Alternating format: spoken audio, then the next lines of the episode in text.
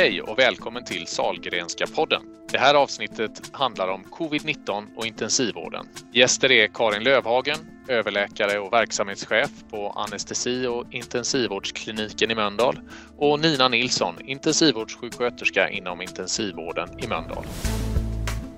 Det är den 29 april och nummer 39 av podden som vi spelar in. Och jag som intervjuar heter Anders Goliger. Välkomna hit! Tack! Nina, jag, jag börjar med dig. Ge en lägesbild. Hur ser det ut på ditt jobb just nu idag? Just nu idag så äh, har vi ju faktiskt eskalerat med ett antal platser under den sista, sista tio dagars perioden eftersom vi har sett att vi har stigande antal med äh, patienter som behöver intensivvård. Så det innebär ju att vi mobiliserar och försöker etablera ork och äh, stå kvar i pandemin och det som man nu definierar som en form av tredje våg sedan ett tag tillbaka. Eh, det är intensivt. Eh, vi tar emot patienter nästan dagligen. Eh, men vi har också patienter som kan lämna oss för att fortsätta att få rehabiliterande vård på våra vårdavdelningar, våra eftervårdsavdelningar. Men det är en belastning som är tuff och det har gått nu 14 månader och vi fortsätter och kämpar med pandemin, covid-19. Rent så konkret, vad gör du på en dag? Beskriv liksom början på ett pass. Eller? När jag kommer till mitt pass på morgonen så får jag en överrapportering från kollegorna som har varit där på natten och sen börjar man att gå igenom patienten. Patienten som eh, vårdas på en intensivvårdsavdelning är ju kritiskt sjuk på olika sätt och behöver ju intensivvården för att få, få en chans att överleva. Eh, och det här är någonting som är väldigt viktigt att förstå att eh, intensivvård det får man först när man verkligen behöver det. Eh, och eh, det betyder också att vi som står där måste ju ha en god kompetens, en hög kompetens för att kunna övervaka alla patientens eh, värden och parametrar under arbetets gång och kunna värdera huruvida behandlingen vi ger har effekt eller om vi behöver göra på andra sätt för att förbättra situationen eller ibland kanske bara kunna optimera situationen för att det är så kritiskt läge. Karin Lövhagen, eh, vi gjorde ju en podd, pandemin hade precis tagit fart då. Beskriv det här året utifrån ditt perspektiv. Hur har det varit? Det har ju varit ett extremt år för så många och verkligen för vår klinik. Vi gick från våra fem platser som vi har i vanliga fall till 18 platser. Alla hjälps ju åt för att lösa den uppgiften som, ja, om någon hade berättat för oss om den Eh, innan pandemin kom så hade vi sagt att nej men det kommer aldrig att gå. Eh, men det har det ju gjort och det har ju krävt av varje enskild eh, medarbetare att man har ställt upp något otroligt får jag säga och det har alla gjort. Men det kostar ju på allas vår ork och vårt mående och, och när vi gick in i hösten 2020 så då hade vi ju några veckor när vi inte hade några covidpatienter och vi tänkte att ja, men nu kanske vi kan återgå till lite ordinarie verksamhet och börja operera. Vi är ju en jättestor operationsklinik med, med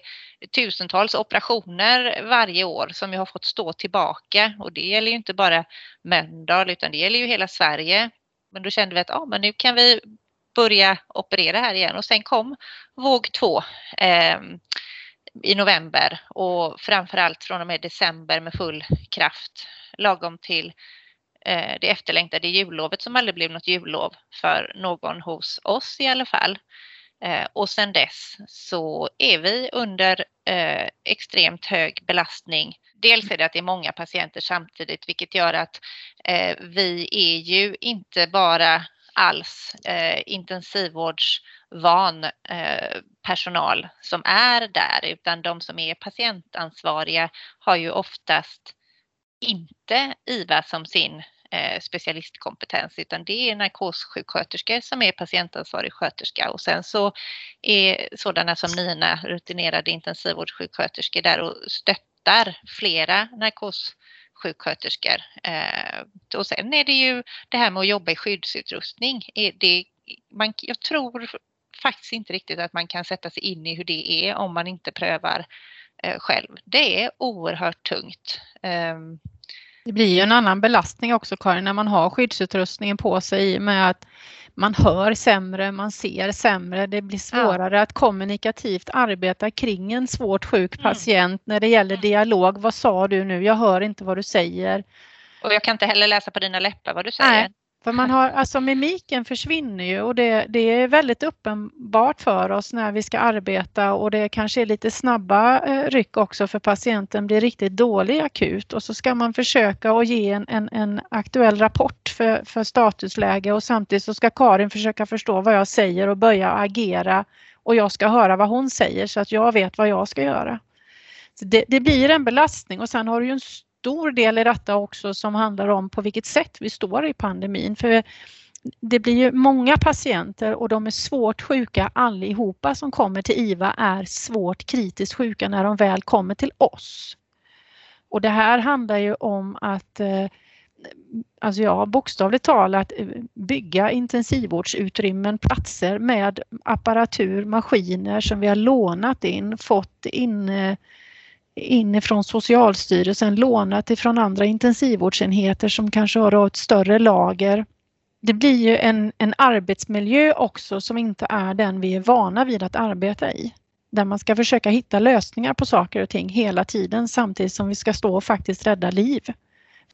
Nina, du skrev ju en debattartikel i, i eh, lokaltidningen här om, du beskrev att det, det, det, är liksom, det är nästan krigsliknande hela den här omställningen och pandemin mm. så att säga. Berätta, hur tänkte du när du skrev den? Jag försöker att gå ut med information. Jag försöker prata med människor i samhället om vikten av att förstå dels hur fruktansvärt sjuk du blir. Alltså du, du blir så sjuk, så sjuk så att gränsen mellan att leva eller att dö, den blir mikroskopisk. Och det kan drabba alla människor. Och samtidigt så måste man försöka att ta in att våran kapacitet att ställa om, det jag likställer med en krigssituation, det handlar ju om att ta en sån enorm volym med patienter och samtidigt försöka bygga upp intensivvårdsplatser, bygga upp i lokaliteter för att kunna bara ta emot flödet som kommer in och försöka lösa situationen dag för dag. Eh, vissa dygn pratar vi om att lösa ett par timmar i taget när det har varit som värst i de här vågorna. Och orkar vi inte stå kvar så kan ju vi hamna i ett läge där vi behöver stänga dörren. Vi behöver begränsa vårt platsantal. Uh, och det finns ju patienter då som, som kommer att bli bedömda utifrån olika kriterier i värsta fall att man måste börja prioritera. Och måste vi börja prioritera så vet ju vi också utifrån vårt yrkesutövande att och det är det här som blir våran samvetsstress, att om vi behöver stänga dörren, om vi behöver stänga platser så kommer folk att dö. Men där vi står idag så är ja i form av krig. Vi står ju dels och krigar mot ett virus i väntan på att tillräckligt många är vaccinerade. Men vi ska också stå kvar i kriget för man kan inte byta ut oss. Det går inte att byta ut personal som arbetar inom intensiv och anestesi och operationssjukvård för vi är specialistkompetens eh, kompetenser som måste stå kvar i det här. Och blir vi då färre, ja då är det sannolikt också så att det är färre patienter som kan få hjälp. Hur gör du för att orka? Jag försöker verkligen att vara noga med att ha fritid och ha yrkestid. Eh, vissa veckor är det jättesvårt. Vissa veckor går det här eh, inte alls att eh, genomföra men man måste verkligen försöka att hålla isär fritiden, familjelivet ifrån yrkeslivet. Men det är tufft. I perioder så känner man att man har med sig patienterna hem. Eh, men vi försöker också tillsammans på avdelningen att hjälpa varandra och stötta varandra. För det finns ju någonting i det här som är väldigt viktigt och det är att det är svårt att förklara för folk på utsidan. Jag går in till min intensivvårdsavdelning och jobbar och sliter tillsammans med fantastiska kollegor ifrån hela kliniken. Sen går jag ut och så kvittrar fåglarna och så är det vår och så ska man åka hem och bara stänga av allting som har hänt under en dag. Det fungerar inte alltid så vi är noga med att vi verkligen eh, hämtar upp varandra och hämtar in varandras känslor och upplevelser varje dag vid varje arbetspass. Eh, och jag tror att det är det som gör att vi orkar tillsammans att fortfarande hitta den där gnistan att kunna stå kvar och göra vårt jobb på ett mycket bra sätt. Har allmänheten förstått tycker ni eller liksom, se på hur det ser ut i samhället? Fågelkvittret är ju där och jag blir bekymrad ibland eh, när man tittar, tittar, eh, för jag tycker ändå att media talar om att vi har det tufft. Jag tycker att våra sjukhus går ut och talar om att nu, nu måste ni följa restriktionerna. Eh, men någonstans finns det en utmattning i det också över tid i samhället att eh, fortsätta att förstå att vi fortsätter dygnet runt att göra det här jobbet. Att stå med våra svårt sjuka patienter med covid-19 på våra intensivvårdsavdelningar och på våra andra avdelningar som tar över efter oss. Alltså man kan läsa om det eller man kan se något reportage men jag tror inte att man förstår tillräckligt mycket Eh, för att orka bry sig om det fullt ut. Eh, förutom eh, många äldre som ju faktiskt orkar och många yngre också. Men, men det finns ju väldigt många undantag och de samlas i grupp, vilket är extremt olyckligt. Det oroar oss. Det är ju alltid en risk förknippad med jättemånga av de aktiviteter vi gör i livet och här kanske man tänker då att ja, ja, men här har vi den här sjukdomen och någon på tusen blir jätteallvarligt sjuk men det blir säkert inte jag. Vad säger ni om sådana resonemang? Ja, det är mänskligt att resonera så. Men för vår del så innebär ju varje patient som faller ut som en patient som behöver intensivvård på grund av covid-19 som en extra och det blir en extraordinär extra belastning. Ehm, och där vi ju inom vår region och också nationellt för en diskussion varje dag, sju dagar i veckan kring varje eh, ny intensivvårdspatient som när det spiller över någonstans. Nu har vi för många patienter i Göteborg, kan vi få hjälp? Nu har vi för många patienter i Borås, kan vi få hjälp? Ja, och så hjälps vi åt. Det här är en ändlig resurs och i takt med att vi närmar oss en sommar och personalen är allt tröttare så känner jag som ansvarig för vår verksamhet här stor oro. Och, och, och då om vi får be allmänheten om att eh, kanske självklart tänka på sig själva men, men också kanske tänka lite på oss. Eh, för, för det kommer att gynna dem också i, i slutänden om vi orkar vara kvar här och, och, erbjuda intensivvård om man så skulle behöva eh, för något annat längre fram. Men också och kanske framför allt som man kan vara mer intresserad av som, som eh, allmän medborgare att man kanske går och väntar på en operation som nu har blivit struken och struken igen. Eh, vi vill kunna vara kvar här och, och ge den eh, operationsverksamhet som vi egentligen jobbar med att också bedriva och som nu är neddragen till ett minimum. Jag tänker också när man pratar om som intensiven Mölndal har i vanliga fall ordinärt fem intensivvårdsplatser. Och så tycker folk, ja men 18, det var väl inte så många? Ja, fast om du räknar upp från fem så börjar vi ju prata om liksom 100 procent, 200 procent, 300 procent, 400 procent. Och det är ju samma sak när man pratar om, ja men eh, 300 patienter i hela Västra Götalandsregionen är väl inte så många. Ja, men om du då tänker en vårdavdelning kanske har i snitt 20 vårdplatser. Då är det 15 vårdavdelningar som gör någonting helt annat just nu än vad de skulle hålla på med. Så man måste förstå volymen av vad det här faktiskt skapar och hur mycket annan vård och hur mycket annan insats som vi måste bromsa på. Jag tänkte vi skulle byta lite ämne och prata lite om forskning. För Parallellt här under året så har det ju bedrivits enorm forskning. Antalet publicerade studier bara har ju exploderat om covid-19 i hela världen och även på Sahlgrenska universitetssjukhuset har vi en lång rad forskningsinitiativ pågående. Och eh, ja, Karin, kan du säga någonting om, det finns ju just på IVA Mölndal en, en eh, spännande studie som tittar på restsymptom efter covid-19 bland annat tror jag. Och kan du säga något om den eller om andra studier som, som bedrivs hos er nu? Alltså det här är också en fråga. Ehm, kan man överhuvudtaget bedriva forskning när man står under så stor press som eh, sjukvården gör? Och eh, då finns det ju möjlighet till det så länge det inte inkräktar på vår kapacitet. Och här har vi då haft eh, möjligheten att eh, bedriva eh, viss forskning. Vi tyckte det var otroligt viktigt att se de här patienterna som, som tar så väldigt eh, mycket intensivvård i anspråk. Hur går det för dem sen? Eh, och då har Eh, mina kollegor här på IVA Mölndal tillsammans med eh, andra kliniker också hos oss och tillsammans med minnesmottagningen bland annat eh, gjort en studie där man tittar på uppföljning efter intensivvård på grund av covid-19.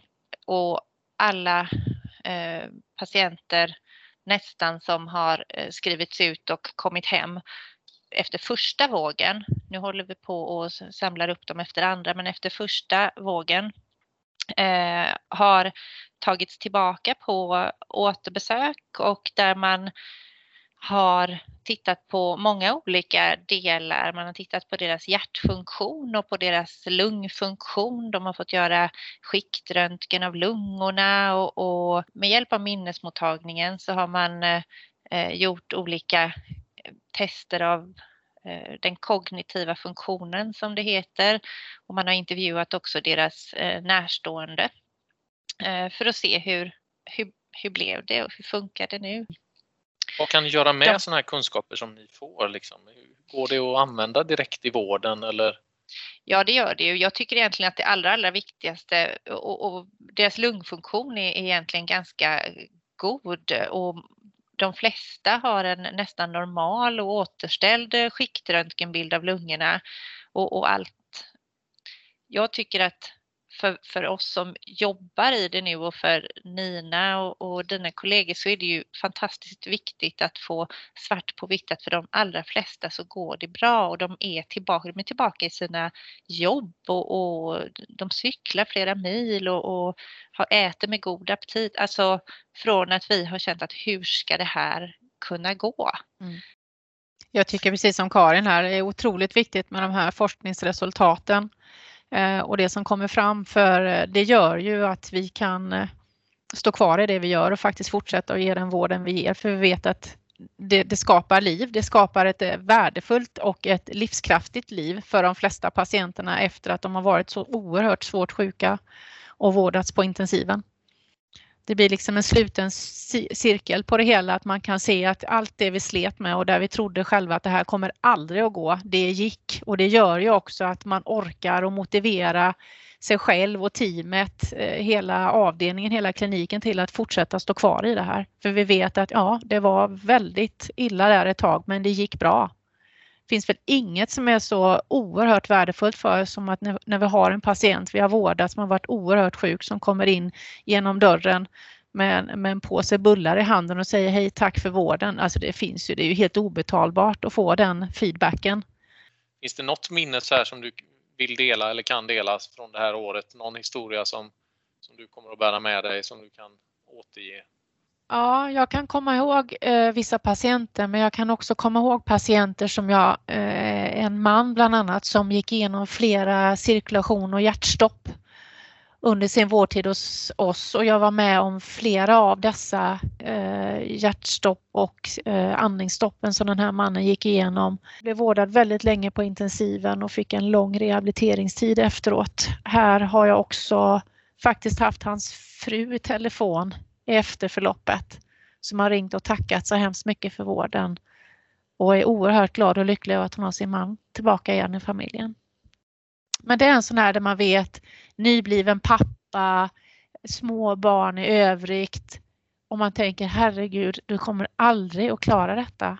Men vi lyckades klara honom igenom det. Han överlevde det och han mår bra idag. Han har ett helt vanligt liv idag och kan vara både pappa och make till sin fru är ju målet. Eh, inte bara att de ska åka ut genom vår dörr eh, med livet i behåll utan att man också ska komma hem eh, och från sjukhuset och där det gör ju de allra, allra flesta och det ska vi ju minnas att trots att de är eh, otroligt svårt sjuka när de är hos oss eh, på ett sätt som är svårt att sätta sig in i Eh, så klarar sig de allra flesta patienter från intensivvården på ett ganska bra sätt.